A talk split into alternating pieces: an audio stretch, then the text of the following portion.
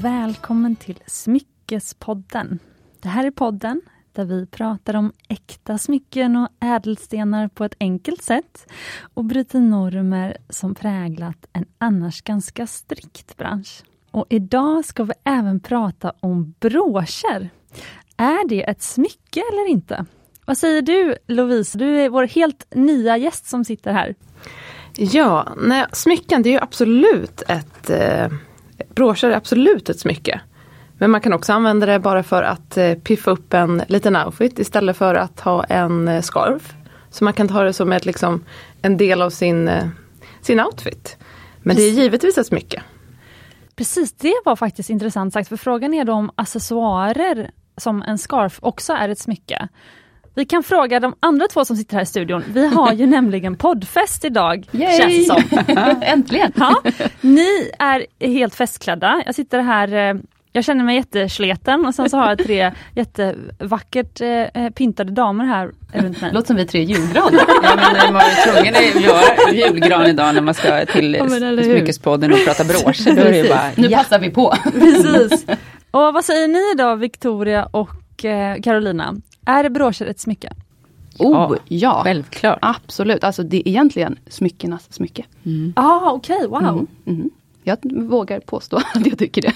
Okej, härligt. Ja, ni har ju tagit med er helt underbart eh, vackra smycken.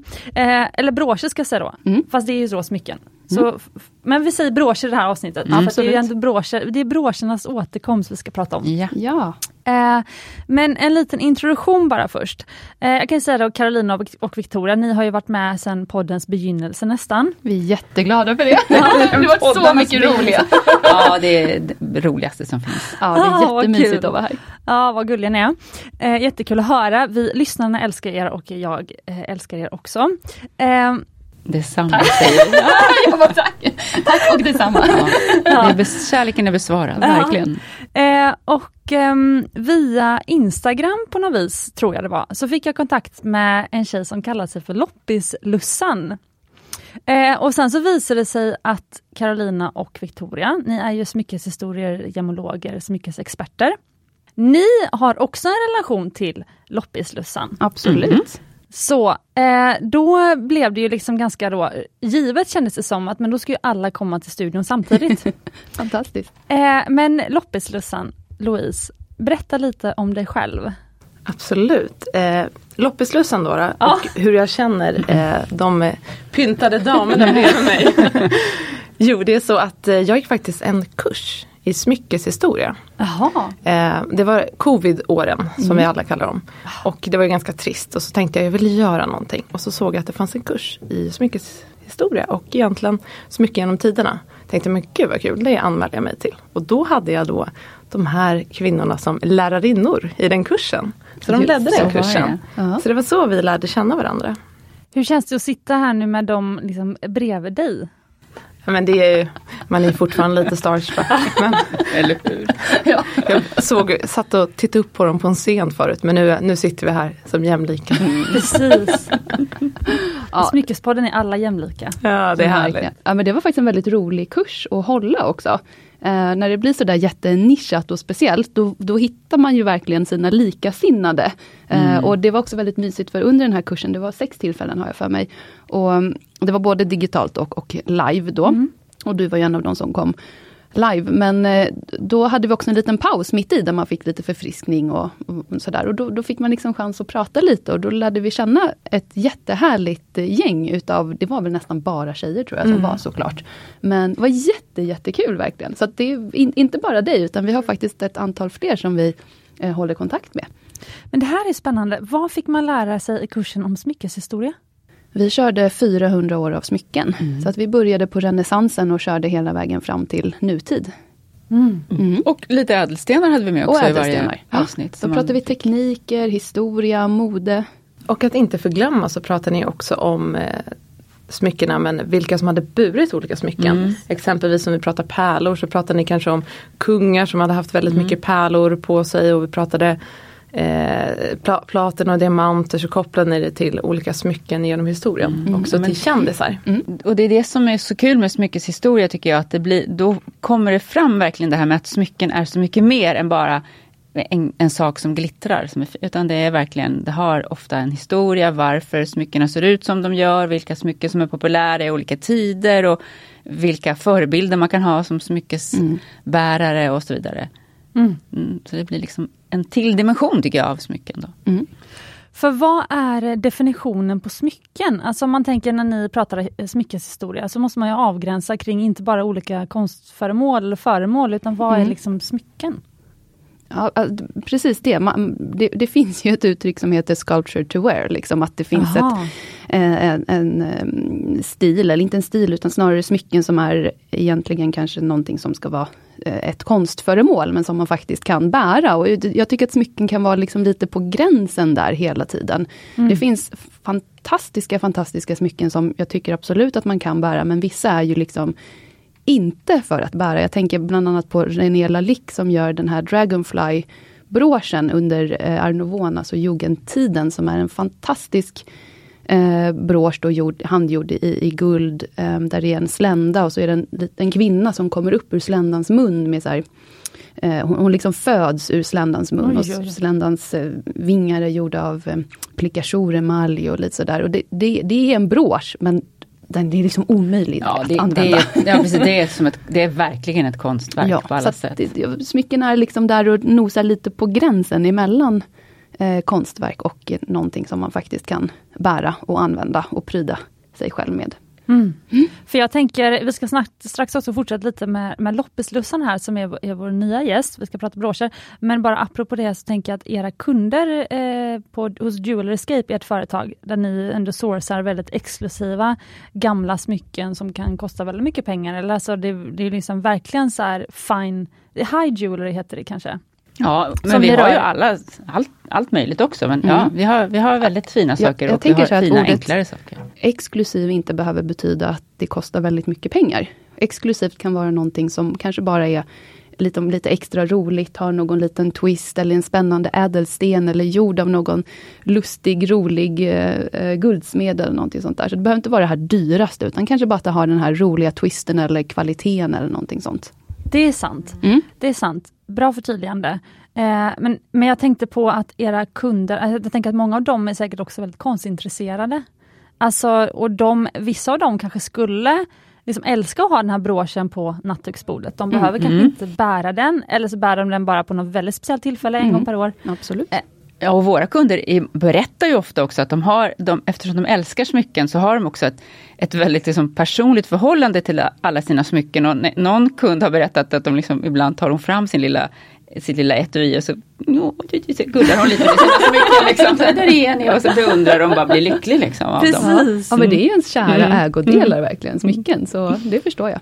Precis. Ja, Louise? Nej men var, jag frågade faktiskt min fastman, vad skulle du rädda om, om det skulle börja brinna? Då, bortsett från våran son. Eh, så eh, han sa ju direkt, ja men min gitarr och de grejerna och jag sa smycken. Alltså mm. precis som du sa, den mm. käraste ägondelen. Mm. Går snabbt mm. att få med sig, de ligger lite samlade. Mm. Mm. Och de, men så här, ja, men som du har din fina förlovningsring där Louise, det, den har ju du fått liksom vid ett tillfälle utav din fästman. Du har fått den för att ni firar er kärlek och ni vill leva tillsammans. Alltså det är ett väldigt, väldigt, det är ett smycke som betyder någonting väldigt speciellt. Det symboliserar liksom en viktig händelse och en tid i ditt liv.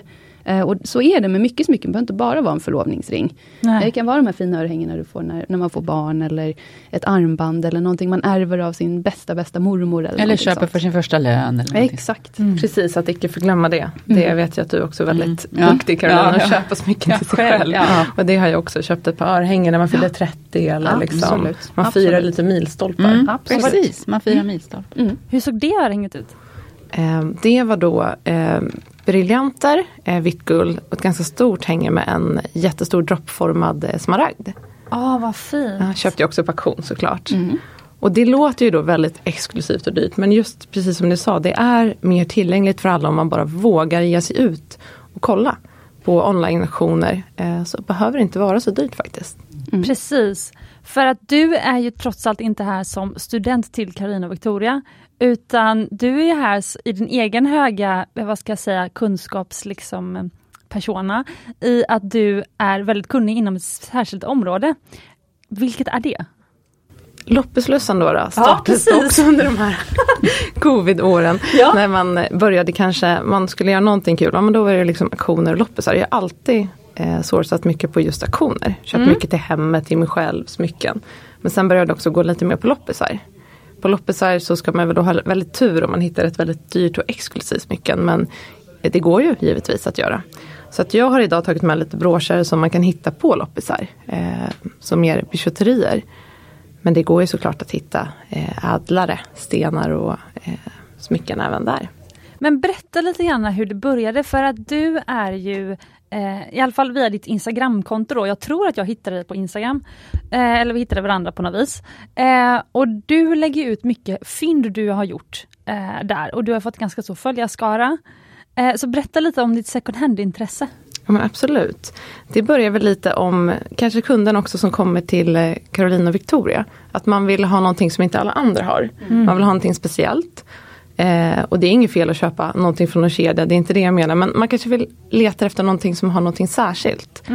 Eh, och då är det väldigt kul att hitta. Och sen är det ju också skattjakten och sakletandet som är det spännande. Man går på loppis och man tänker, åh jag skulle vilja hitta en väska som ser ut ungefär så eller jag skulle vilja hitta en, en vas från det märket och så vidare. Och då får man ju lite som att då blir man ju väldigt glad när man stöter på den eller jag har fyra glas och jag skulle vilja ha två av den sorten. Mm. Och det där tror jag, det satte du verkligen fingret på. För jag tror så många som är intresserade av den här världen av, av, av second hand och som både loppisar och auktioner och sådana som vi som handlar med gamla saker. Det är just det här med skattjakten. Att det är en sån otrolig tillfredsställelse både i själva jakten, eller kanske framförallt i jakten. Och sen när du då till slut hittar det där som du söker. Och ibland hittar du det fast du inte visste att det var just det du sökte. Den här känslan av att wow, nu hittar jag den saken. Mm. Och vad jag förstår så har ju, precis som att eh, ni Karolina och Victoria har blivit lite av en go-to om man letar efter gamla smycken. Du har ju byggt upp något litet community runt din Instagram känns det som, i alla fall det intrycket jag har fått. Vad är det de- följarna du har, vad är det de liksom kommer till dig med för liksom frågor eller råd eller, eller varför följer de dig? Jag tror de följer mycket mig för att jag är ganska aktiv i stories. Så jag lägger upp mycket under mina loppisrundor. Och jag gillar att dela med mig av tips. Det är jätte, Eh, jätteroligt att följa. Alltså man blir så inspirerad och glad. Så det kan vara allt möjligt till att man går i en butik och hittar saker som man tänker, ja men, ja, men jag kanske inte behöver den här själv men väldigt fint skick eller någon skulle nog bli väldigt glad om de köper den. Så brukar jag tipsa.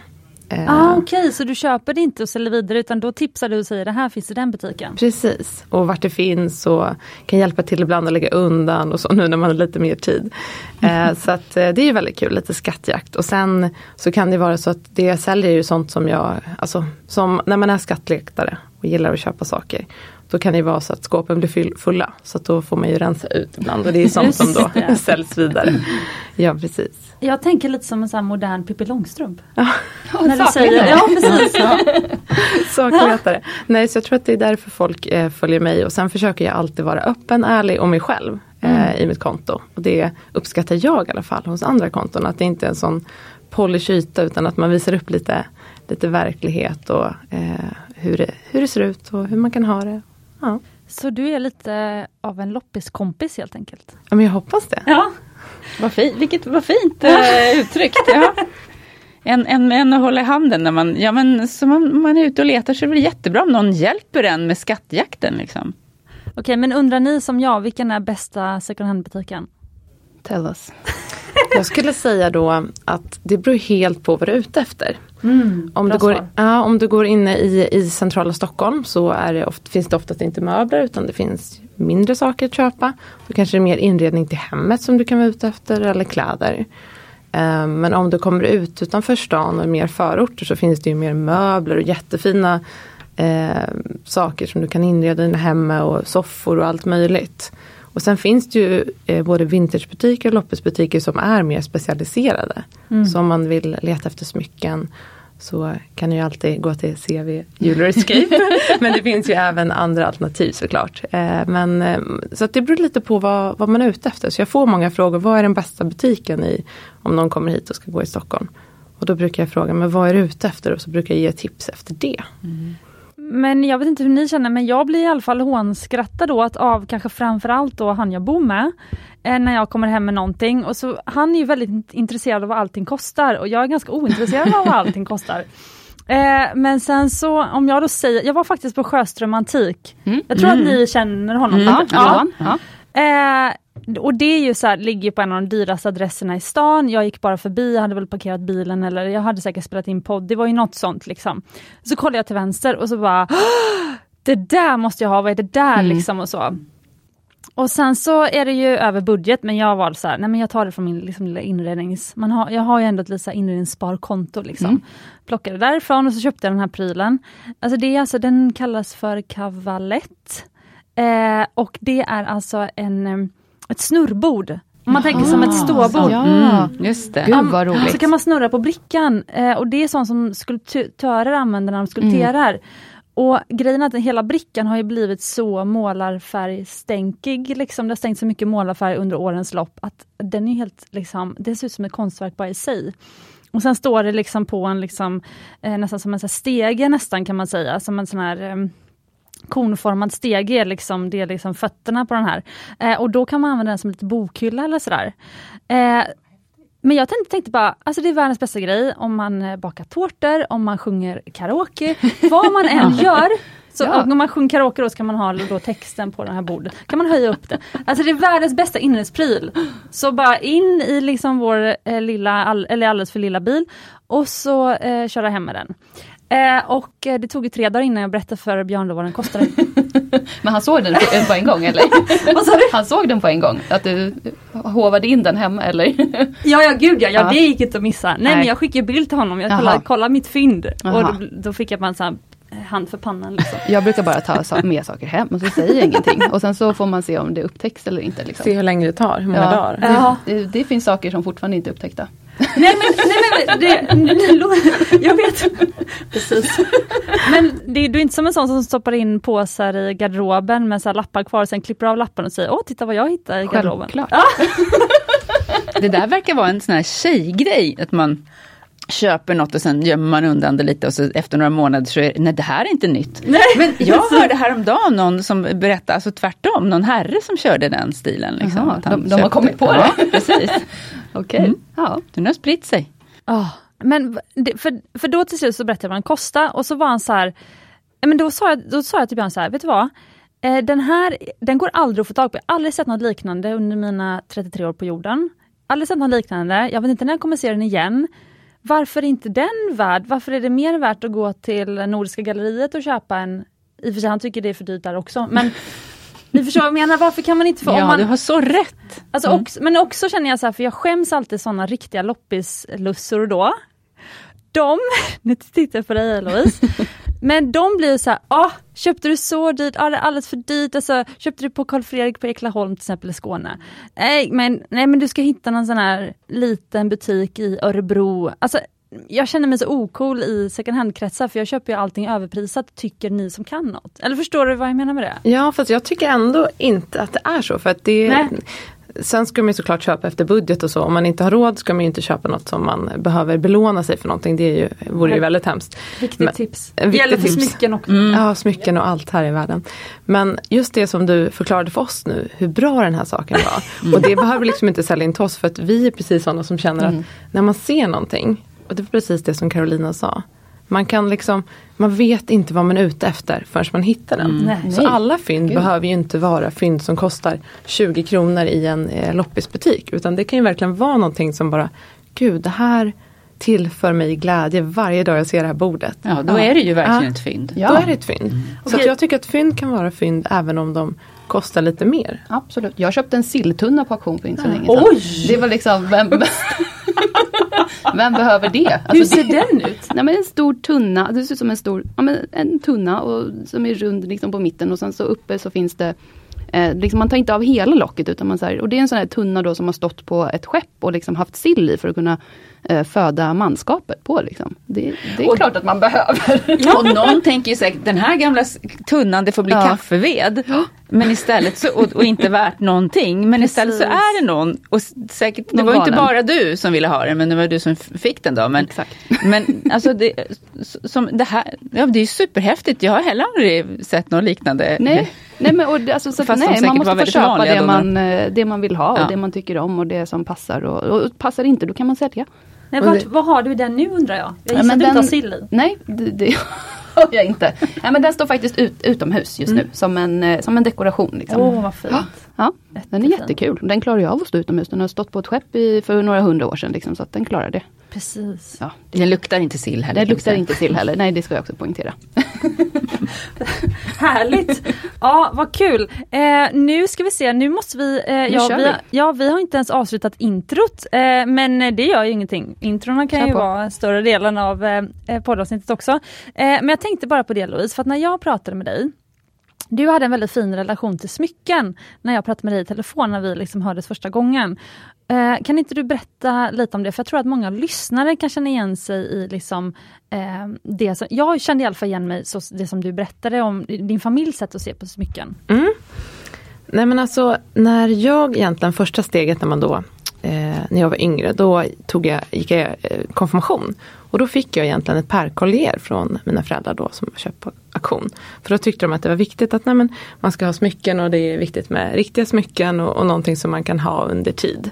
Så det Precis. fick jag och då var jag kanske inte så intresserad utan jag tänkte att ja, det var fint. Men kanske tyckte det var lite tantigt då med ett pärkollier. Men jag älskar det idag. Ehm, så att det var väl egentligen så det började och sen då när jag gick ut i nian så har jag den här ringen som jag har på mig idag. Fick jag då välja en, en ring helt enkelt från auktion. Och det var ju väldigt lyxigt att tänka, oh wow.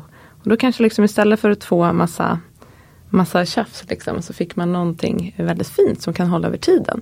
Och alla de sakerna har jag kvar och det har jag fått till mig att just diamanter, eh, andra ädelstenar, guld och, och silver, vad man nu eh, föredrar. Det behöver inte vara så otillgängligt. För allt finns att köpa second hand. Då på auktioner eller av privatpersoner, i eh, butiker och även online. Då. Så att det är väl egentligen det, att det är tillgängligt. Och eh, min, eh, han som jag bor med då, då han tänkte så här, gud jag trodde inte vanliga människor hade råd att köpa diamanter. Och det är väl lite det man vill komma bort ifrån. Man har råd men man kanske får köpa man kanske inte har de största stenarna som enstensörhängen för att börja med. Utan man Nej, kanske börjar med lite mindre karat eller någonting så. Precis. Jättebra, eh, jättebra inställning tycker jag. Och, och, och eloge till dina föräldrar också som redan liksom började tänka så att du fick till exempel att du fick välja modell själv. Jag menar, då Och att de gillar du valde den fortfarande. Smycken. Mm. Alltså Ja. äkta smycken. Inte liksom, nej. Bra. Men eh, kolla på Louise ring, tycker ni att det är rätt coolt att en 15-åring Jo, väljer en sån ring? verkligen. nej, men det är så, Ja, det är så himla du är ju cool. Det är en, ett kluster av baguetteslipade diamanter i en platinaring. Bra bling. Ja precis, den här är nog faktiskt vitt guld men min vigselring Ja. är platina. Jättehäftigt. Och broschernas återkomst, är ju titeln på det här avsnittet. Så för att dra igång huvuddelen. Eh, Louise, din hashtag som du har själv liksom lyckats sprida på Instagram och som nu har ganska många posts. Eh, den heter broschernas återkomst. Berätta om den. Det får avsluta det här introt. Ja, jag vart ju inspirerad då när vi pratade smycken på Smyckeshistoria. Eh, när jag eh, gick eh, kursen då hos Carolina och Victoria. Så tänker jag, men broscher det finns det ju alltså, i, i mängder, i av på loppis. Men det är ingen som köper det och det finns så mycket eh, häftiga broscher. Jag tror inte man tänker på det, precis som ni sa, är det ett smycke eller inte? Så jag ville liksom att det skulle få lite mer stjärnglans och att folk börjar använda det. Och många har ju kommit och skrivit till mig, men min mamma har massa broscher hemma och, och jag har ärvt från min farmor men jag har inte använt det förut för jag vet inte hur jag ska använda det eller vad jag ska ha det till. Så det var väl lite därför, då började jag liksom visa upp det. Och sen har det ju blivit lite trendigt på sistone med broscher. Både större eh, smyckestillverkare och kedjor har ju börjat sälja mer broscher. Eh, så det är väldigt kul. Så jag fick faktiskt uppdrag av min stora syster som önskade sig en brosch från ett särskilt märke. Då. Men då sa jag nej, nej, nej, där köper vi inte ifrån. Jag ska hitta den på loppis. Så hittade jag en eh, som var väldigt lik då, då på Oh. loppis istället. Så hon var ju väldigt glad för nu har hon en som påminner om den men inte är exakt den. Så hon är en som är alldeles unik. Uppletad av dig också. Ja. Det blir ännu mer, ännu roligare. Lyxigt att ha loppissyrran som, äh, en loppislussan som syrra. Ja. ja, härligt! Och ni är ju med på den här hashtaggen antar jag, Mm. eh, Carolina Ja, och ja. eh, Den har vi kört ett par Mm. gånger, absolut. Ja. Och nu har ni här massa, massa, massa broscher. Ska vi eh, göra så att vi hoppar in i huvuddelen?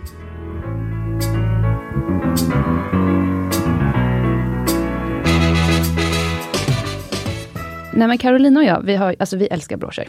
Vi har alltid tyckt att det är jättekul och vi har tyckt att det är ett smycke som, precis som du sa Louise, alltså det är väldigt underskattat. Eh, det är inte många som förstår härligheten med en brosch. Eh, sen är det väldigt mycket broscher som kanske har eh, köpts och som lite hemskt, man säger slaktats. Eh, Eller kanske då har byggts om till andra smycken. Eh, men vi, Carolina och jag, vi, när vi promenerade igår kväll så pratade vi faktiskt lite om det här med broscher och sådär. Och då, då sa vi så att, men herregud, broscher har liksom varit det, det, för det första har det varit ett av de första smyckena som män, mänskligheten överhuvudtaget har använt. För att i, I broschernas begynnelse så var ju broscherna, det hade ju en funktion av att det skulle hålla ihop eh, klädedräkter eller kanske päls och sådär till och med. Det finns ju de allra äldsta broscherna är ju liksom, de är ju från bronsåldern. Vi pratar alltså 2000 år före Kristus. Och då, då är det liksom metall, alltså brons då som man då ehm, lärde sig att legera ihop och eh, kunde börja tillverka smycken utav. Och då var det liksom en, en ganska enkel rund cirkel med eh, en, en vass eh, pinne liksom i. Och den, den, med hjälp av den kunde man då hålla ihop kanske pälsen eller vad det nu var, speciellt på vintern när det var lite kallt.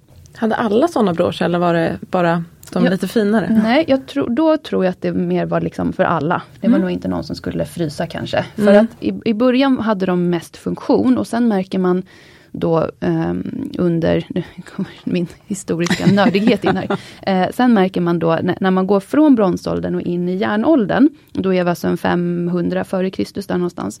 Järn är en mycket enklare metall att bearbeta, så då börjar också broscherna få mer utsmyckning.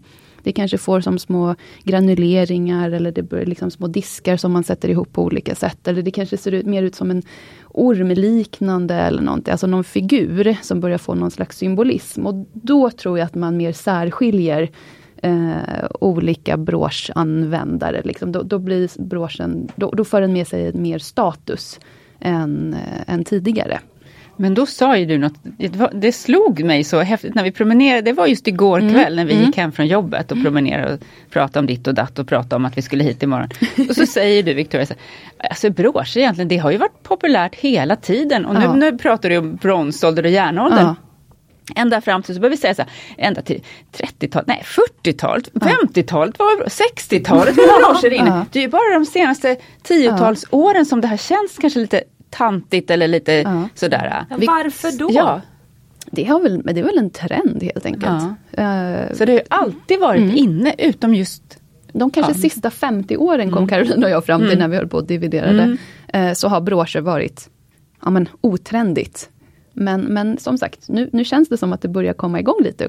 Mycket tack vare dig tror jag Louise också. Jag tror det och det känns som att det kan ju vara för att vi då träffar sådana personer som gillar det här lite speciella och, och, och, och tycker om det gamla och så vidare. Men många av våra kunder säger just att de gillar broscher. Och för någon vecka sedan så hade vi ett säljevent eh, tillsammans med ett annat företag och då tänkte vi att här kanske det kommer människor som inte är våra vanliga kunder och mm. det kanske vi ska försöka inte koncentrera oss på så mycket broscher för det brukar många säga, att broscher verkar svårt. Sådär.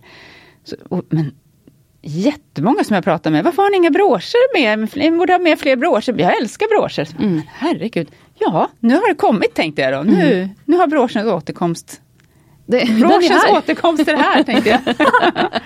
men det låter som att det är knappen. Jag tänkte bara nu var det, eh, nu är jag lite sen på bollen här men tänkte mm. det du berättade om eh, bronsåldern och järnåldern och så Mm. och hålla ihop kläder.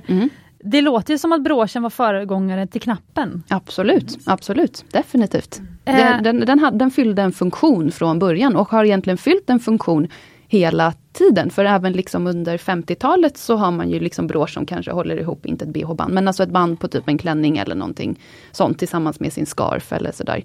Så att det är som sagt, det är bara de liksom sista decennierna här som vi har varit helt otrendiga. Mm. Så Jag har en. Sverigedräkt, en sån här folkdräkt. Mm. Eh, och där har jag en brosch som håller ihop Ja, bruten ett där uppe. halslås, Mm. precis. Ja, absolut. Just det. Mm. Okej, men ska vi börja pilla lite det här, de broscherna ni har tagit med er? Vi pillar. Ja. Absolut. Och, Eh, Du kan, du, kan för, du kan styra pillrandet. Ja, alltså jag känner nästan, men det är alltid roligt att höra vad som är typ era favoriter och sådär.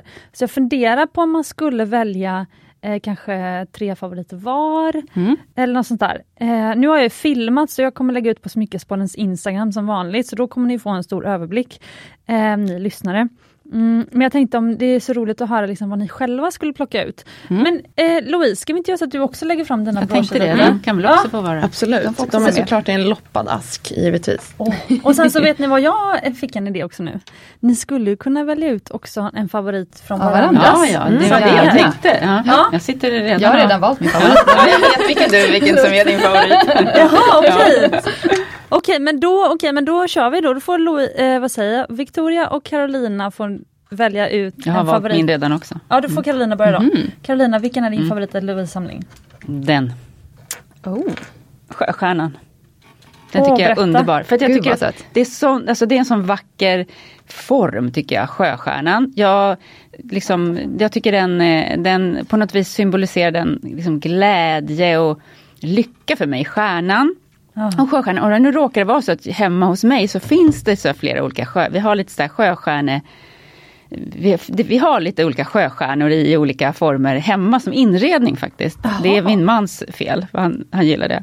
Eh, så att det, det känner jag, ja jag gillar jag gillade den. Jag såg den direkt, mina ögon föll på den så bara, den där skulle jag vilja ha. Den här är en funktion som jag vet att ni också gillar. Man kan ha den både Ja, både som, som, halsband, hänge. Ja. alltså som hänge och som brosch. Ja. Och det Så här vet ren, ju ni liksom, Ja, varför är det så? Det har ju jag lärt mig men det är ni som har lärt mig det. Ja, multifunktion helt enkelt. Mm. Det är, man ska kunna använda det på många olika roliga sätt. Det, som sagt, broschen är kul. Ja. Jättekul smycke. Det är faktiskt värt att eh, förstärka ännu en gång. Jag håller med, för att förra gången ni var här i podden, nu för några avsnitt sedan, Mm. Eh, då eh, visade ni faktiskt en, en brosch som ni hade hakat på små ugglor i och sen en kedja också Mm, så man kan mm. ha det som halsband. Och jag håller med dig Louise, alltså, det är helt magiskt häftigt att kunna liksom köpa ett smycke och få två olika användningsområden. Mm. Mm.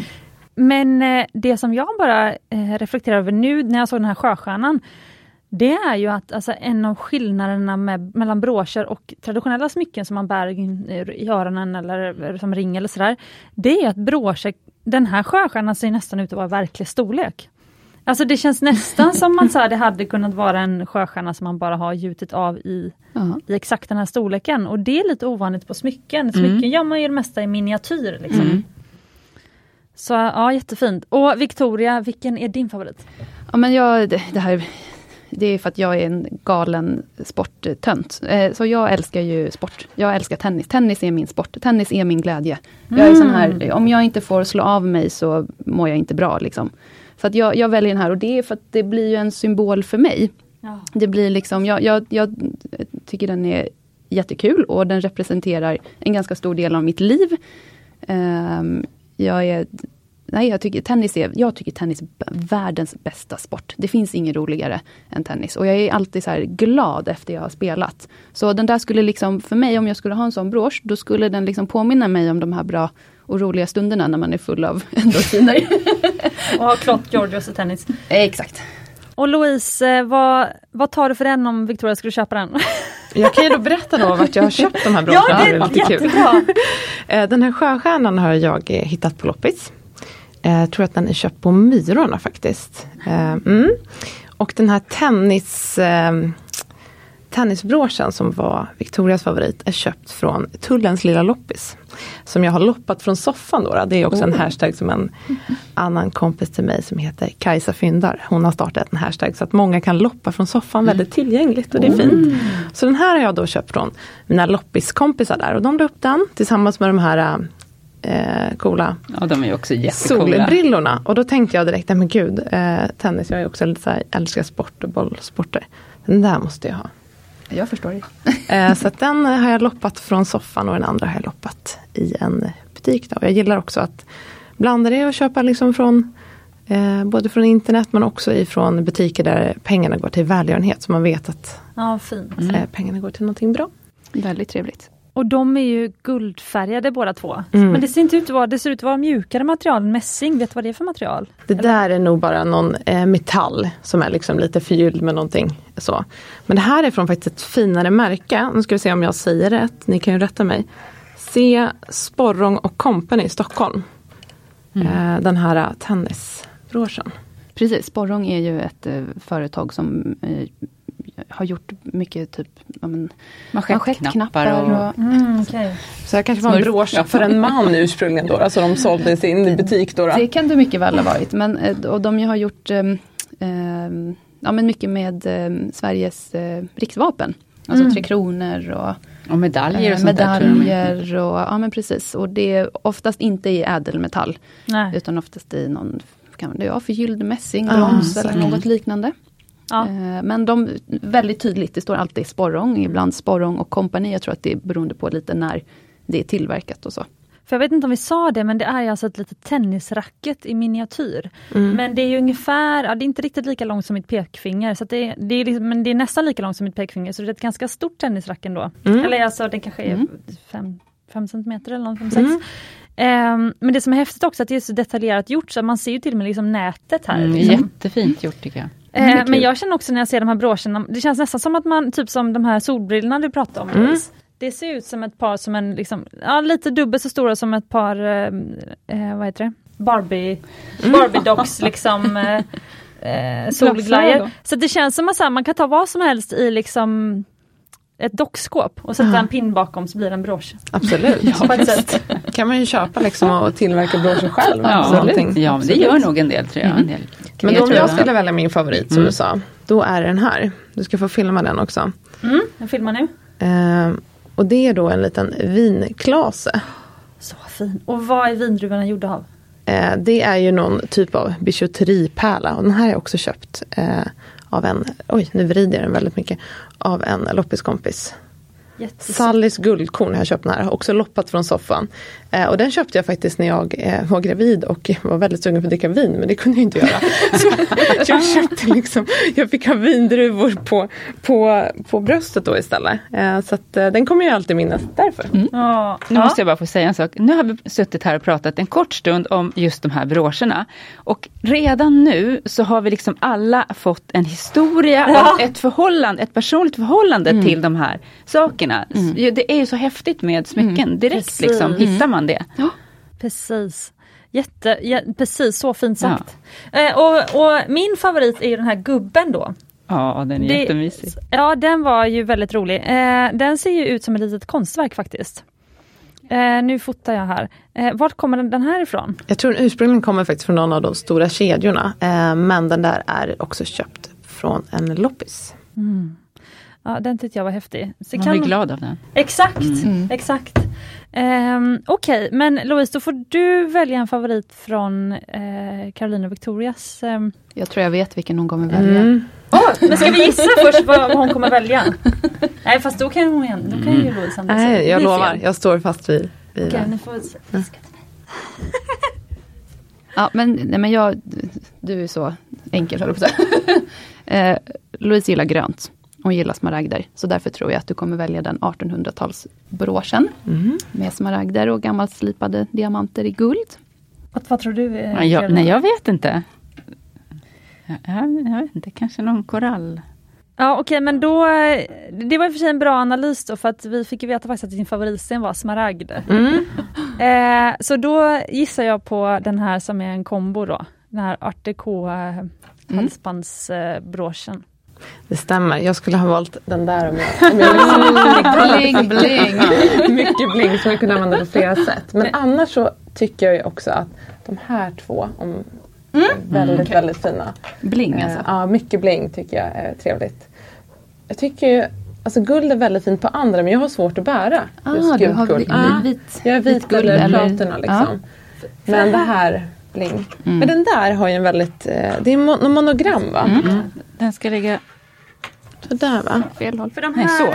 kan ni inte beskriva, Carolina och Victoria, Det här känns ju som en typisk era, nu borde jag kunna det här, men är det här då in, tidigt 1900-talseran? När det var den här Belle Époque? Man kan Är- säga att du är runt omkring Ja, 1900-talet. ah, yes, jag har lärt mig något. Ja, den här som ska vara åt det här hållet då. Eh, om man tittar riktigt noga så är det faktiskt två stycken bokstäver. Ah, Och det är det som vi kallar för en monogrambrosch. den var väldigt Eh, snirklig. Den är jättesnirklig och det är liksom lite så här, om man, om man, om man, jag har ett annat intresse och det är kalligrafi. Jag tycker det är jätte, Mm. jätteroligt med bokstäver och vackra bokstäver och skriva snyggt och sånt. Och så att jag som nördar ner mig då, ser direkt liksom, men här står ju E och ett D. Mm. Eh, Men det är ändå så pass diskret, eller vad man ska säga, så att man, det är svårt att urskilja ibland att det är Mm. just de där bokstäverna. Den där är från 1800-talets eh, ja, sista kvartal, kan man säga. Mm. Ehm, och som sagt, brosch är ju liksom någonting som är ju ett smycke som man bär eh, mycket för att liksom kanske komma ihåg någon som står en nära. Men under 1800-talet så börjar man bära broscher i kärlekens syfte. Mm. Eh, då, Ska jag hänga den på dig kanske? så att det här kan vara liksom en, en brosch som... Det Det kanske kanske inte är är någon, monogrammet för den som var den utan kanske för den den älskade. kan mycket väl vara att det är monogrammet för den som den älskar faktiskt. Ehm, så att, Eller så har någon fått den av någon den älskar och det är då bärarens monogram. kan det Mm. också vara. ehm, Och man så- måste inte heta ED för att bära den där. Absolut inte. Som sagt, det syns ju liksom inte riktigt att Men det ett är ju lite E. roligt med monogram på det sättet. Ja. Jag har hittat kökshanddukar med min eh, fästmans monogram på. Och då vill man ju liksom, jag vill ju hitta med, med mina initialer Mm. också. Och det är ju lite kul för då blir det lite särskilt. Men som du sa, man, det är om man kan urskilja att det står ED. Ja, det skulle liksom lika gärna kunna vara. Ja, men det, kan, det kanske inte... Om, Men- man, man, man kan välja själv vad det står. Exakt, för Louise varför var det? Det var ju en av dina favoriter som du valde om du inte skulle välja den här. Men jag tycker just det här med monogram och historien. eh, Mm. Som du sa, Mm. att antingen så är det att de själva har hetat någonting på ED. Eller Ja. fått den av någon Och- som heter ED. Och just det tycker jag är kul med smycken, att de har en historia. Den här är ju då tillverkad i... Så här, det sitter gammalslipade diamanter i Mm. det här E och i D. Eh, och eh, som vi har pratat om förut så vill man gärna ha vita stenar, vita diamanter i vit metall. Och den vita metallen som finns att tillgå då det är silver.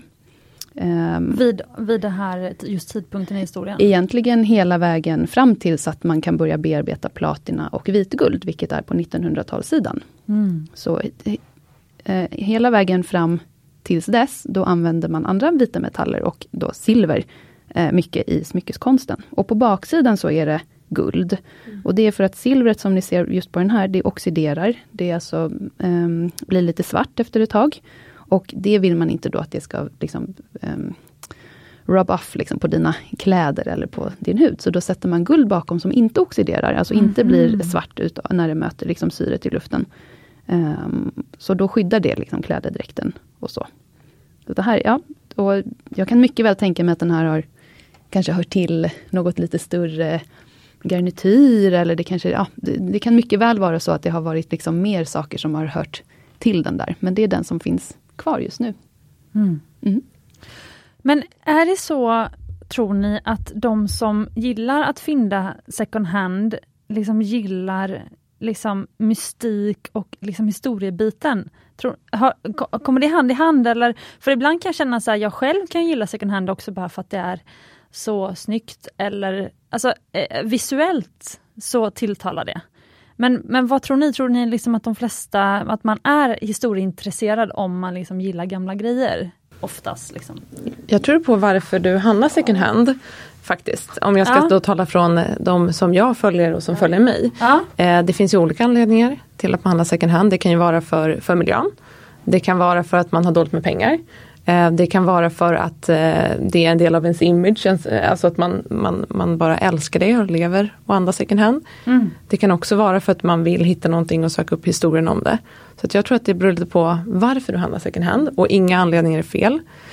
Men jag skulle säga att jag tycker det är super, super kul att hitta någonting i en second hand butik och sen gå hem och söka reda på info om det. Det tycker jag nästan är 90 Det är av återigen nyhet. det där med skattjakten Ja, kanske. och kolla liksom, är det någon känd, är det någon märke? Och så ser man under en liten stämpel, när är den tillverkad? Det är nog det vi Och- tycker är roligast också, det här Ja, för- detektivarbetet bakom Ja. som vi kallar Och det. man får någon sorts känsla att det här kanske är något och så vågar man gå på den känslan och när det stämmer. Liksom. Mm. Och sen, alltså jag tänker med second hand också, det är ju att du kan ju hitta sådana unika föremål. Ja. Så att liksom din designperson eller vad det kan vara, du kan hitta så otroligt roligt eh, det behöver absolut inte vara mass eller serietillverkat på något sätt, utan men, men du hittar liksom det där som passar in just hos dig, liksom, i ditt liv, i ditt hem, eller till din stil av kläder eller så. Det där var fint sagt. Nu vet jag Carolina, du ville säga någonting. Eh, vill du gå först? Nej, säg du först. Eh, ja men jag tänkte på det här för att eh, den här cavaletten jag köpte då, den här som har stått i en skulptur, eh, ja något sånt, skulpturateljé. Eh, den har jag ställt nu framför mitt skrivbord. Jag har ett liksom, hörna i vardagsrummet där jag har liksom mitt kreativa skrivbord. Och där jag designar smycken och där jag även i och för sig sitter och svarar på mejl och sånt. Men jag blir så inspirerad till att skapa smycken när jag ser den här, alltså jag känner att jag är i min, min ateljé. För att jag har ju plockat den här ateljéprylen hem till mig. Så på något vis blir det som att så här, jag vill vara den som stod och skulpterade. Det var jag ju inte då, men, men då känner jag att jag är i den auran. Förstår Ja, ni men vad jag din, menar då? din kreativa sfär liksom. Ja precis. vad så kul. så nå- lite så här, identiteten till den som stod där vill jag åt och då känner jag så här, då skapar jag typ finare eh, liksom, ja, verk själv. Mm. Jag tycker det låter precis som man ska göra. Man ska Mm. låta sig inspireras, helt rätt. Ja, något sånt. Jag håller med. Nej, jag tänkte, jag bara reflekterade över det här med broscher. Att på något vis känns det som broscher är ett sånt smycke som man liksom aldrig kan få för mycket av. Det kan man inte få av, av något smycke i och för sig. Men, men att jag tänker också att det är säkert också ett smycke som har givits ofta i gåva. Därför att det är lätt att ge i gåva. För att kanske andra smycken som om man tänker halsband, örhängen eller armband eller ringar så, så är det liksom lite att det måste passa dels Ja, sant. längdmässigt, storleksmässigt. Men en brosch kan du liksom ge till någon och det, det blir liksom aldrig fel. Nej. Mm. Precis. Jätte, jag tänker nog faktiskt samma. För också, man känner kanske inte heller behovet av alltså en brosch, det kan man ha hemma och kanske använda två gånger per år utan Mm. att få dåligt samvete. Nej, Men man får lite dåligt samvete om man har ett par diamantörhängen man fått av någon som man sällan använder. Mm. Kanske. Mm. Då får man göra om dem till en ring. Då kan man göra om dem, absolut. Ja, Ja, berätta om din vackra ring. Vi har filmat den så den kommer komma ut. Nej men den, är- det, jag är precis som du Louise, jag är helt galen i, i ädelstenar och speciellt i smaragder. Ehm, och för många, många år sedan så fyndade jag en ring på auktion. Och det, var, det är en, jag har kvar den, det är en, en 70-talsring som är gjord av Vea Bolin som är ett av de eh, största smyckesleverantörerna eh, kan man säga, eh, i vår svenska historia. Och de har gjort fantastiska smycken. Den här 70-talsringen var kanske inte den roligaste, inte riktigt min stil, men det var ju liksom smaragden jag föll för. Så jag tänkte så här, ja men jag köper den där för att man vet aldrig. Det här är ganska många år sedan. Mm. Så för ett drygt år sedan så tog jag tag i mig själv och bestämde mig att ah, men nu ska det bli någonting utav det här. Så då lät jag vår stenfattare plocka ut den här smaragden. Och sen så började jag liksom helt enkelt googla, vad ska jag göra? Få lite inspiration som sagt. Eh, och sen ha- hade jag då ett par enstensörhängen med ascherslipade diamanter. Mm. Som jag också har fyndat på auktion, eh, när jag jobbade på ett auktionshus. Och jag har liksom aldrig trivts i dem. Jag har haft dem på mig, jag har provat. Du har verkligen försökt. Jag har försökt så många gånger. Till och med du har ju provat dem Mm. ett par gånger Carolina Mm. för att se om du kan. Jag Mm. tänkte så här, jag, Mm. alltså, jag vet inte vad jag ska göra av dem. De bara ligger och jag blir lite så här, jag vill, kunna, jag vill använda mina smycken. Mm. Ingenting får liksom ligga. Och då var det så här, nej vad fasiken. Jag, jag, det här kanske blir en fantastisk och rolig trestensring. Mm. Så att jag tänkte så. Det är en superklassisk trestensring. Den är gjord i platina utav en av våra fantastiska guldsmeder. Eh, och stenarna är återanvända helt enkelt. Jättekul. Ja, Så fint. Ja, supersnygg ring. mm. och så blev det. Det är den nya fredagsringen. Mm. Precis. För jag tror att det var, för då betyder det att det var två smaragdringar nu. Du får väl en fredagsring och en torsdagsring Ja, där nu. jag tror vi kanske har tre. Så lyxigt. Okej, men vilka skulle, vad skulle ni välja av de broscher ni själva tagit med er? Det här är kul. Jag, jag skulle vilja välja två. Mm. Får jag börja? Eller vill Ja, du börja? Dels, den här som jag tog på mig tyck, är faktiskt en av mina favoriter. Och lite för att den, är- den är här i min stil om man säger i, Mm. i historien. Att det är det här eh, det 30-tal är den här gjord va? Mm. Titta vilket sneglar. 30-tal. Mm. Och det som är så roligt med den, nu, nu har vi inte med oss det just här där vi Jo. sitter, men, Ja. men eh, vi skulle kunna ta fram, vi har med oss eh, asken som den ligger i också. För här sitter det också det, platina, då, diamanter och smaragd. Är det en sån här courgette-slipad Mm. eller vad heter det? Cabochon. Cabochon. Du ser. Vi, vi, kan, eh, vi, ska, vi, ska, vi kan hämta själva asken till oss så ska Mm, vi ska hämta asken. förklara mer eh, vad, varför den är så speciell och rolig. Hur lyxigt, jag och Louise har redan eh, häpnats över det här, hur lyxigt att vara, hur gammal är du? 14 år gammal och få hänga två veckor i en eh, ja, eh, diamant, eh, eh, gammal smyckelsverkstad. Hur här, lyxigt är inte det? Det är ju vi som är jätteglada att Lovisa är med oss. Oj, vilken fin Ja. ask. Kolla här, det här är ju så häftigt. Nu ska vi se om, det, om vi står vilket år den är gjord. också. 48. Den är 40-tal, ja, precis, 48. Men lite stil som 30-tal. Och så sitter det då diamanter och en smaragd i den. När, om du filmar på mig här får du se. Om vi ser varför det är din favorit. Men så kan man byta ut den här smaragden mot en safir. Så man kan byta efter liksom humör och klädsel. Och här är ju då Här är skruvmejseln. Ja. Nej, men Långt innan Love Bracelet hade någon skruvmejsel som till, hörde till. Kan man få se hur det här Och Jag är vet du, sen är den här till också, och det här är också original. Att man kan använda det som ett hänge också. Det är inte något som är omgjort utan det har varit så från början. Alltså nu vart det här min favorit Coolt, nu när jag Ja. Och original. Så det är liksom tre, ja, fyra smycken i ett kan man säga då. Ja. Men nu måste jag fråga, för då kanske det här är till försäljning. Ja, Vad kostar det? det här kostar, den här kostar 52 000. Och det är i materialen är då Platina, diamanter, smaragd och safir. Mm. Och det är skruvmejsel. Två, och skruvmejsel. Och kedja i platina. Det är två broscher och två hängen kan man ju säga. För 52 000. Mm. Ja. Mm. Och det är mycket bling. Det är faktiskt ett klipp, det kan inte låta så, men alltså det är ju en fantastisk och originalask. Och originalask. Ja, det är superhäftigt. Alltså det går inte att få tag på motsvarande idag. Nej, nej alltså det för det vad är faktiskt inte. karaten på bara smaragden Eh, måste vara över en karat. eh, Ja, alltså eh, smaragden och safiren väger ungefär ja, s- eh, sex karat kanske. Något sånt där. Tillsammans. Styck. Eller styck. styck. Ja, Mm. Jag ska titta här. Herregud. Mm. För bara en karats eller en och en, och en halv karats eh, Smaragden väger 6,3 Nej 3,5 och Safiren 6,3 och så är det över 2 karat diamanter. mm, att det- Precis, alltså det här hade ju kostat eh, alltså fem gånger så mycket. Men det är ju som är, det är därför det är bra att köpa. Ja, och då ska man ju tänka då, den här, eftersom den här är från 40-talet, då kan vi ju garantera att den här Safiren inte är behandlad på något sätt. Mm. Så att det är en obehandlad Safir. Ehm, alltså inte, har inte fått någon hjälp utifrån att och eh, sånt där, för det börjar bli man med snyggare i färg. senare. Mm. Så häftigt. Så den är, det är min favorit och liksom just så här, om jag verkligen ska säga något vad jag själv skulle vilja ha. Mm. Men så ska jag vilja slå, slå ett slag för en till brosch. Därför man måste inte, det måste inte vara broscher som kostar 50 000. Utan den här tycker jag jättemycket om också. Som är en liten pil.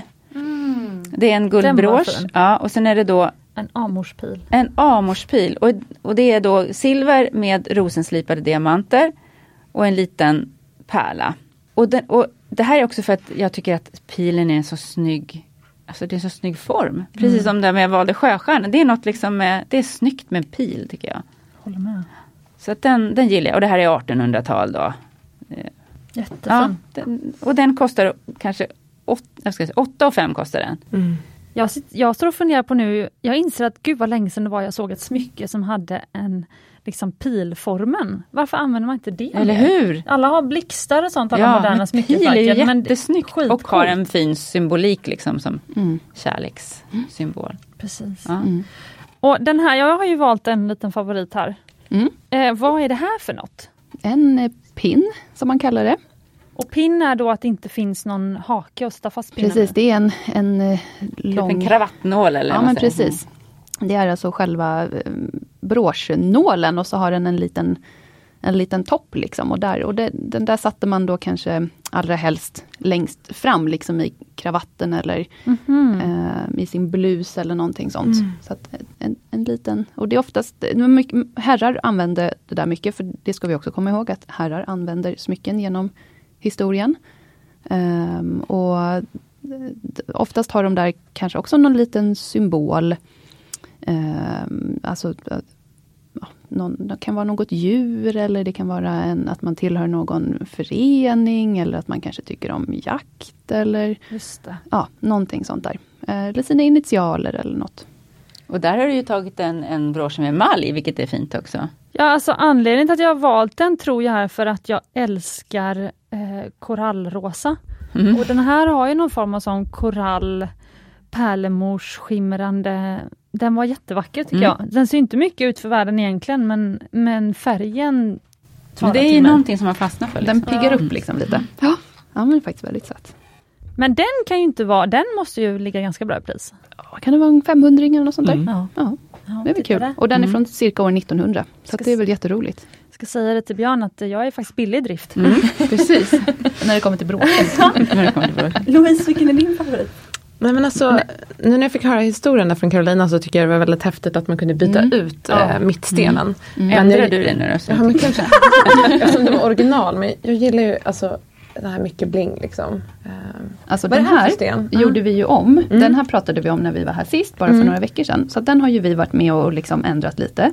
Och, eh, och den, det är ju liksom mycket inspiration av Mm. det som Carolina har på sig. Liksom, att man ska ha en multifunktion. Mm. Ska jag försöka få på med den här. Jag kanske får hjälpa till. Men jag man kan att det även går. ha den åt andra Så. hållet så att den är Nu kanske den sitter på eller? Mm. Kolla vad Snyggt. fint. jättesnyggt. Men vad är det här för sten då? För då, när jag var på håll så tänkte jag, är det en smaragd? Ja, Kanske- det är det ju. Det är det? Ja, Det är jag tänkte, konstigt ja. att du hittar den. Det är en smaragd, en cabochon. Och diamanter förstås, och platina. Mm. För ni har gjort det som en liten choker nästan, ser det ut som på Louise nu, men det kanske också är för sladden är i vägen. Nu, nu är sladden i vägen och Louise har på sig en lite tjockare tröja tror jag. Så att det är polo. en polo. Så att den, den, den hänger nog lite Precis. längre ner För det är egentligen. smycket som jag har på mig har lite längre kedja. Mm. Eh, den här. För att jag tycker om när de går lite längre ner. Mm. Mm. Men det är smaksak. Det är smaksak. Precis. Victoria då? Ja, precis. Jag glömde bort. Jag, jag sa egentligen fel. Victoria. Mina Victoria, favoriter. vilken är dina favoriter? Nej, och jag kan ju aldrig välja några favoriter. Men eh, okej, jag gör så här. Jag väljer faktiskt den här broschen.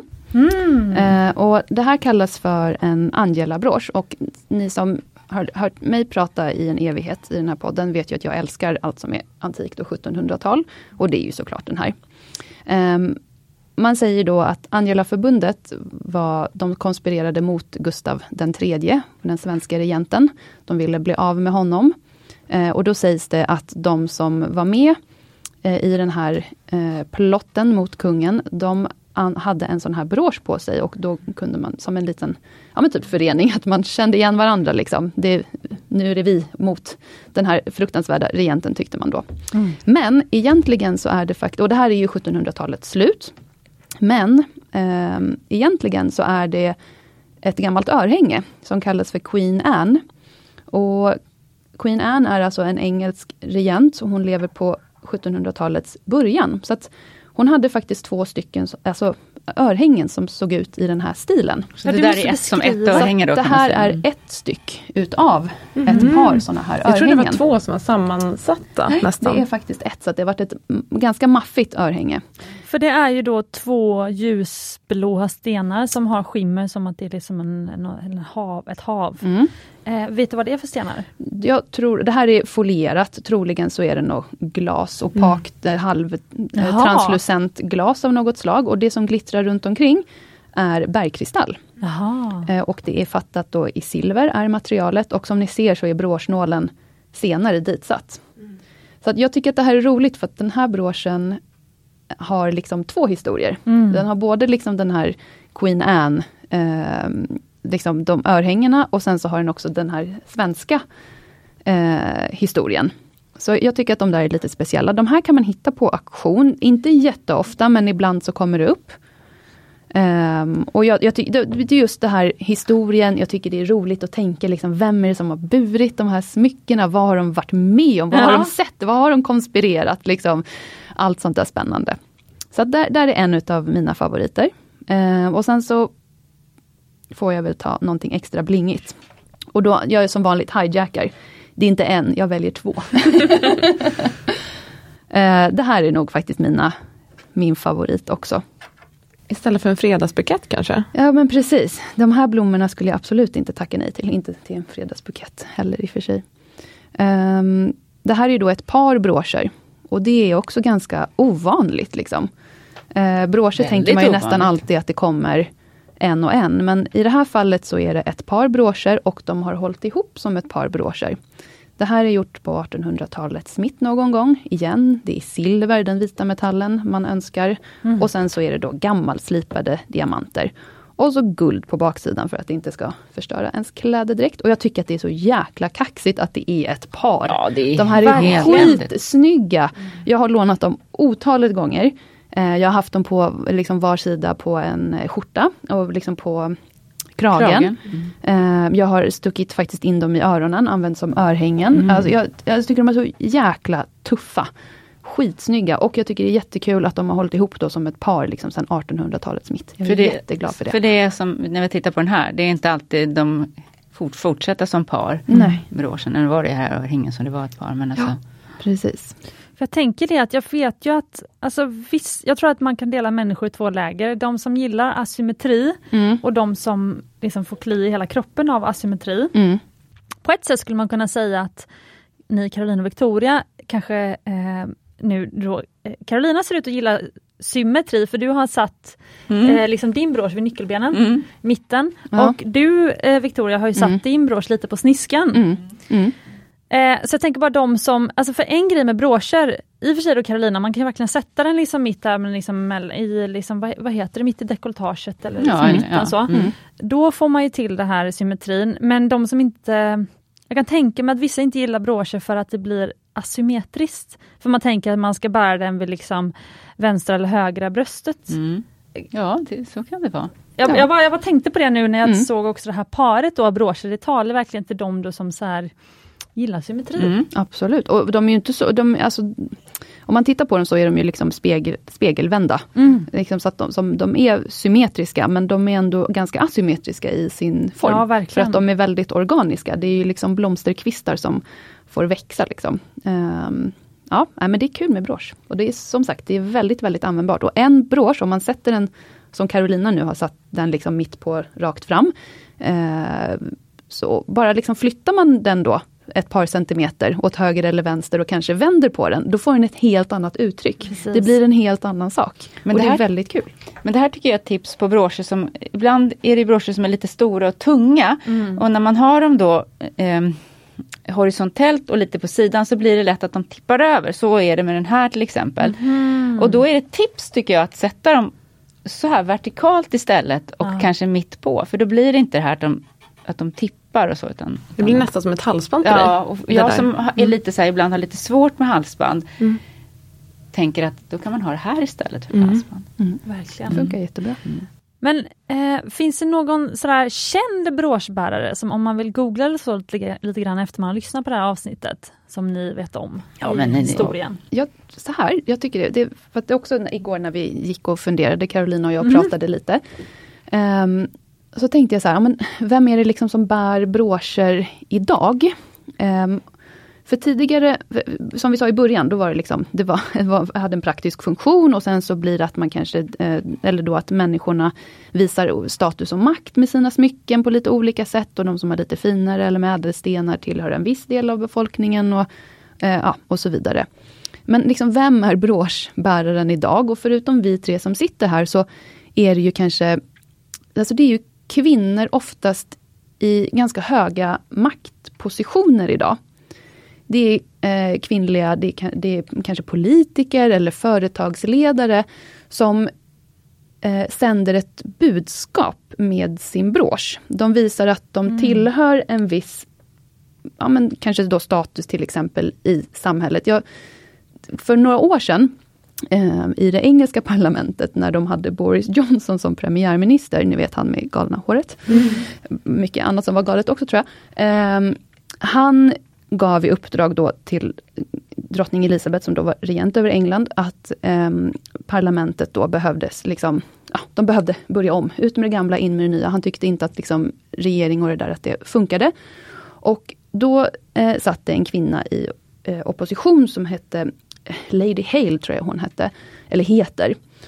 Och hon satt där och tog emot då den här eh, förklaringen av att de ville då att eh, parlamentet skulle bara, inte upplösas, men att det skulle ja, göras om.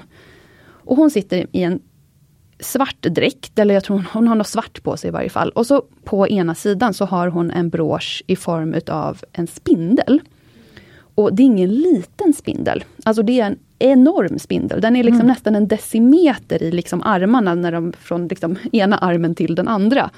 Och jag vet att det blev ett väldigt, väldigt mycket snack om den här broschen då. Det här var ju liksom rent politiskt och de pratade om att nej men den här broschen, vad betyder den? Och då var det massor som spekulerade. Är det liksom att det engelska parlamentet är liksom i, i spindelns nät? Är det liksom så intrasslat och fel? Och de liksom trodde att hon skulle då liksom sända ut ett budskap. Det pratades om i alla de liksom stora mm. engelska tidningarna om det här. Det var liksom första sidesnyhet. Varför bär hon den här enorma spindelbråsen? Liksom, visar hon sitt missnöje.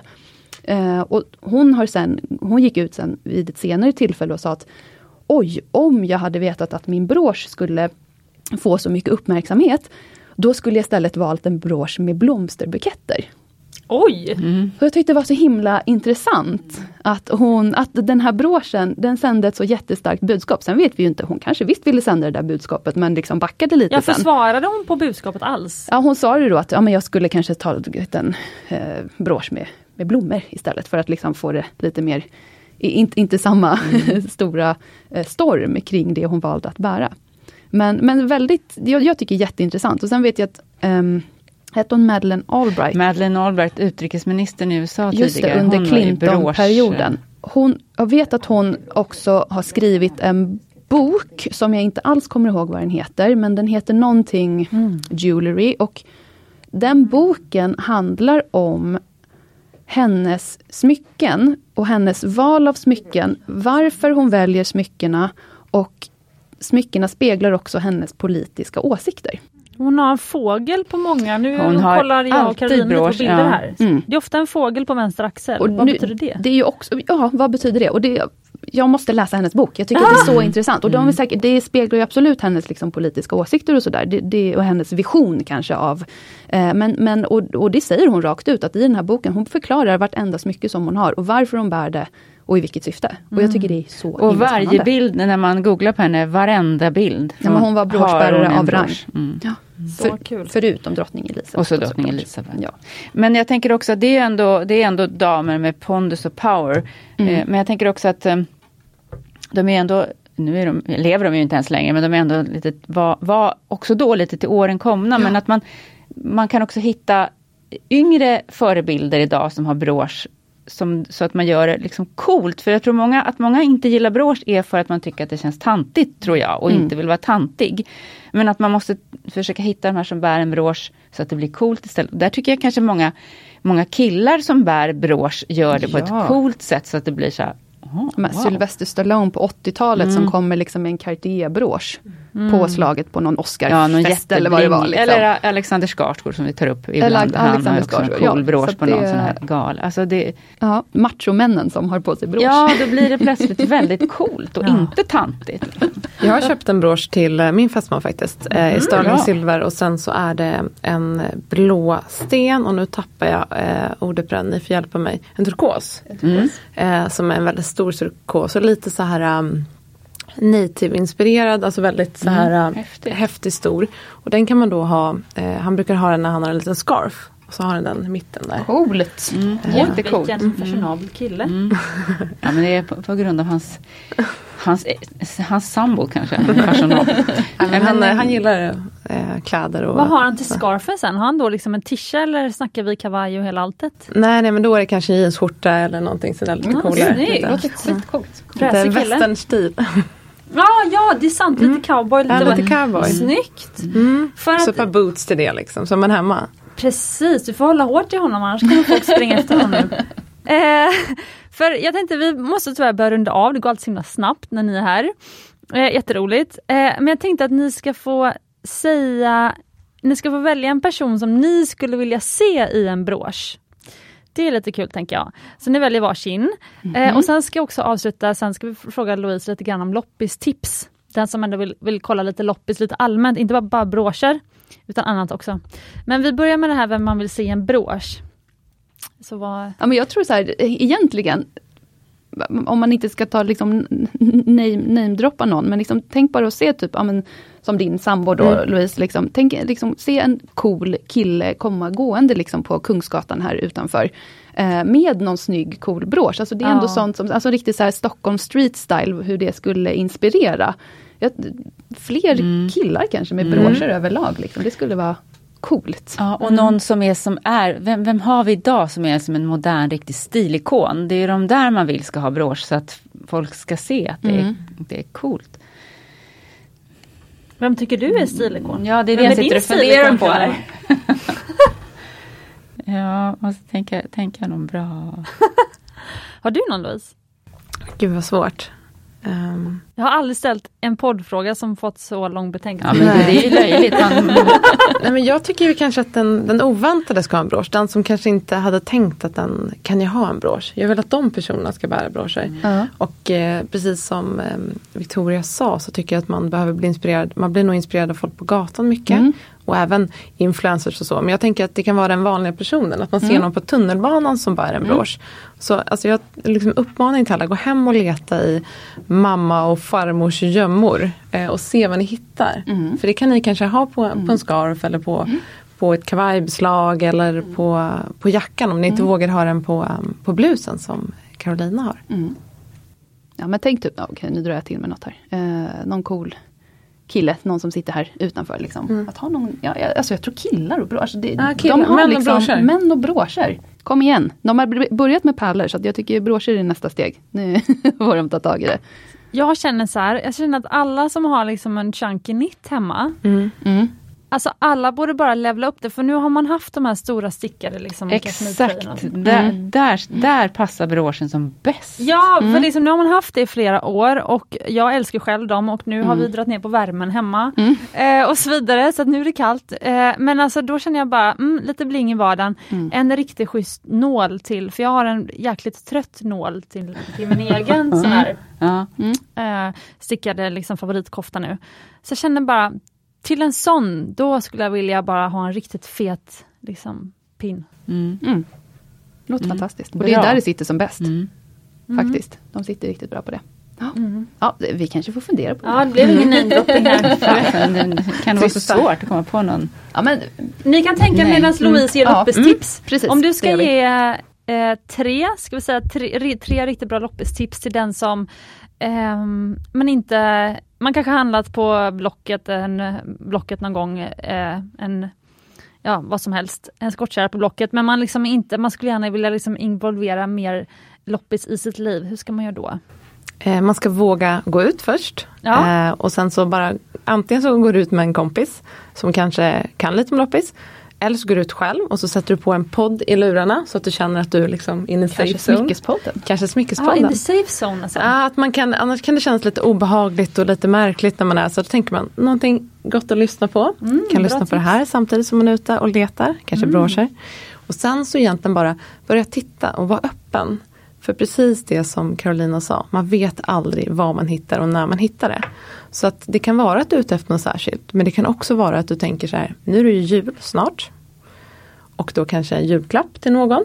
Så eh, julen är ju loppad som sagt, eller hur? Det är en av mina mm. loppiskompisar, Bohag, som har startat en hashtag, julen är loppad. Så gå ut och loppa julklappar mm. till folk. Det är ett ganska lätt insteg. Och kolla liksom, allt ifrån en leksak till ett barn eller till en, en, en brosch till en mamma eller till en eh, till eh, din bror. För vi sa att män skulle bära mer broscher. Men ut och leta, det kan vara en vas till dig själv. Någonting. Och våga titta, lyft på saker. Och du behöver inte köpa saker som är pangprissatta. Utan det kan vara saker som bara tilltalar dig på något sätt. Det spelar ingen roll om det kommer från en stor kedja men bara Gud det här gillar jag. Mm. Så köp med hjärtat. Mm. Eller Sjöströmantik då. Ja precis. Jag har gjort gratis reklam för här. Jag men köpte både en pryl och gör nu reklam mm. för honom. Eh, men precis, men så att man behöver inte känna press på att allt måste vara überbilligt. För det, det jag tänker när man säger loppis, nu kanske inte han, det kanske inte är definitionen på loppis. Nej jag skulle nog säga att det är lite mer utvald, utvald Ja det är kurerad antikaffär. Antik, ja mm. precis. Okej jag visste inte vad skillnaden var mellan mm. loppis och antikt. Vad är skillnaden? Eller antikaffär, det vet inte Alltså jag tänker lite som det här med eh, vintage, att det ska vara minst 25 år och antikviteter. Antik, kan- antik det är väl 100 år? Ja, Ja, det är, och sen är väl antikviteter kanske, det, det kanske är någonstans att det måste ha någon sån här Standard. konstnärlig höjd eller standard eller hantverksmässigt kanske eller sådär. Ja, jag tänker på loppis kan det finnas vad som helst Mm. för prylar som är så här bruksföremål. Som är, Ja det kan vara en slickepott från Ja. Ikea liksom. Mm. Sant, men bara för att antikaffärer, jag tycker ju ofta att de har, de har ju så här coola möbler från 60-talet, är inte alls 100 år. Nej, Mm. Men precis. det kanske är någon annan Mm. typ av konstnärlig höjd då. Men det är väl lite utvalt Mm. också Ja. eh, och ofta kanske ett annat skick. I, Mm. på loppis så får man ju vara noga när man kollar på saker för att, så att det inte är naggat eller Just det, det är nog ett väldigt bra Mm. tips att Mm. titta ordentligt. Okej, så nummer ett var våga gå ut. Man Mm. kan ta hjälp av en podd i öronen om man vill vara i the safe zone, i den trygga zonen. Nummer två var kolla allt, vänd på det. Ja men vänd på det och var öppen. Ta in och kika saker och eh, julklappar är ju väldigt... Just det, så sa du tre var att man skulle faktiskt kanske handla till någon annan än sig Ja. själv. Mm, det tycker jag man ska våga. grej. Ja, det var en fin grej faktiskt. Eh, men då har jag bara en fråga, vart ska man hitta, googlar man då loppis och så stan där man bor eller vart hittar man? Ja, alltså det skulle jag göra. Jag skulle gå? ju söka second hand eller loppis i det liksom, området man bor eller där man befinner sig just nu. Det finns ju inget roligare om man är på en arbetsresa att kolla in liksom, utbudet av loppisar och eh, antikbutiker just där. Men eh, för tillgängligt så kan du kolla vad finns det för loppisar eller second hand butiker i närheten av mig. Mm. Och nu eh, både på jul och sommar kan det vara många som öppnar tillfälligt. Så att det kan ju finnas på allt ifrån Marketplace, att folk gör reklam eller i lokaltidningen. Men så finns det ju de här kedjorna som alltid har öppet och finns. Mm. Och kanske fråga. Eh, Mm. Man frågar, ja, du, finns det något annat roligt ställe jag kan besöka? Det är Precis, man säkert någon snäll ju, som svarar. Ja men då kanske tänker jag följa er som, som på Instagram till exempel som håller på mycket med Mm. alltså, bevakare Mm. loppisar. För ni ger ju bra tips också. Precis, Precis. det är inte som svampställen utan Nej. vi delar gärna Ja, precis. Bra! Jättebra, för jag tror inte det var så. Jo, jag trodde det var så jättegärna. svampställen. Man Nej, nej, nej. Ah, vad kul. I alla fall inte de som jag följer som följer mig. Vi vill gärna dela med oss och vill inspirera fler till att handla second hand och loppis för att det går ju till bra saker. Mm. Så varför skulle man inte vilja att fler handlade då återbrukat? Det var ju bästa tipset. Och eh, sista nu, vad är ditt bästa loppisfynd genom tiderna? Ditt favoritloppisfynd? Nej men jag skulle säga att det bästa loppisfyndet är nog någonting som, som man använder väldigt ofta i, i hemmet. Och jag tycker framförallt om att, att loppa vaser. Mm. Eh, så att jag har en vas där hemma som jag har loppat eh, som jag, tycker väldigt mycket om. Men jag har ju loppat flera vaser. Men, så någonting som du använder ofta tycker jag att du ska försöka loppa. Jättebra tips. Ja, då eh, var det kanske allt för idag. Nu har vi hållit på länge här. Eh, har ni något sista ni vill säga till lyssnarna? Nej, men, ja, eftersom inte vi kunde klämma ur oss någon så här stilikon eller så som vi ville skulle ha brosch, kan inte lyssnarna tipsa om vem de skulle vilja se i brosch? Ah, då? kul! Ja, Jättebra. hjälp oss med det. Mm. Och då kan man skriva till Smyckespoddens Instagram då när man lyssnat på det här avsnittet. Jättekul. Eh, och er tjejer kommer man i kontakt med Carolina och Victoria. Man kan besöka oss i vår butik på Mm. Kommendörsgatan 9 på torsdagar, då har vi öppet. Ehm, eller så kan man kontakta oss via Instagram på Jewelryscapes där vi heter. Ehm, och då kan man också boka en tid om man önskar komma och besöka oss. Eller bara fråga, eller om man vill ha tips eller någonting sånt där. Mm. Jättekul. Och eh, Louise? Loppislussan då på Instagram. Det är bara att slida in till DM eller kommentera en story så finns jag där för er. Härligt! Med loppistips och eh, smyckestips också. Om man vill börja fynda på auktion om man kanske inte vågar ge sig ut i loppisjakten. Så kan man ju fynda från soffan också. Precis, loppat från soffan. Mm. Eh, men eh, ja, men vad kul! Men då får vi packa ihop alla broscherna här då och eh, dags att lämna studion. Men tack snälla för att ni har kommit hit. Tack för ett roligt avsnitt. Ja, tack för att du fick komma. Väldigt, väldigt kul. Jättekul. roligt. Tack själv. Och fantastiskt att vi lyckades samla allihopa i studion. Och Inklusive praktikant Lovisa. Lovisa. Precis. Och inte prata i munnen för mycket på varandra. det är det, svåraste av mm, allt. Precis. Ja, men då önskar vi eh, lyssnarna loppislycka och eh, brosch, att de hittar till kärleken till broscher. De som inte redan gjort det. Och eh, så glöm nu inte du som lyssnar att du är värd äkta smycken och ädla stenar och eh, broscher. Mm.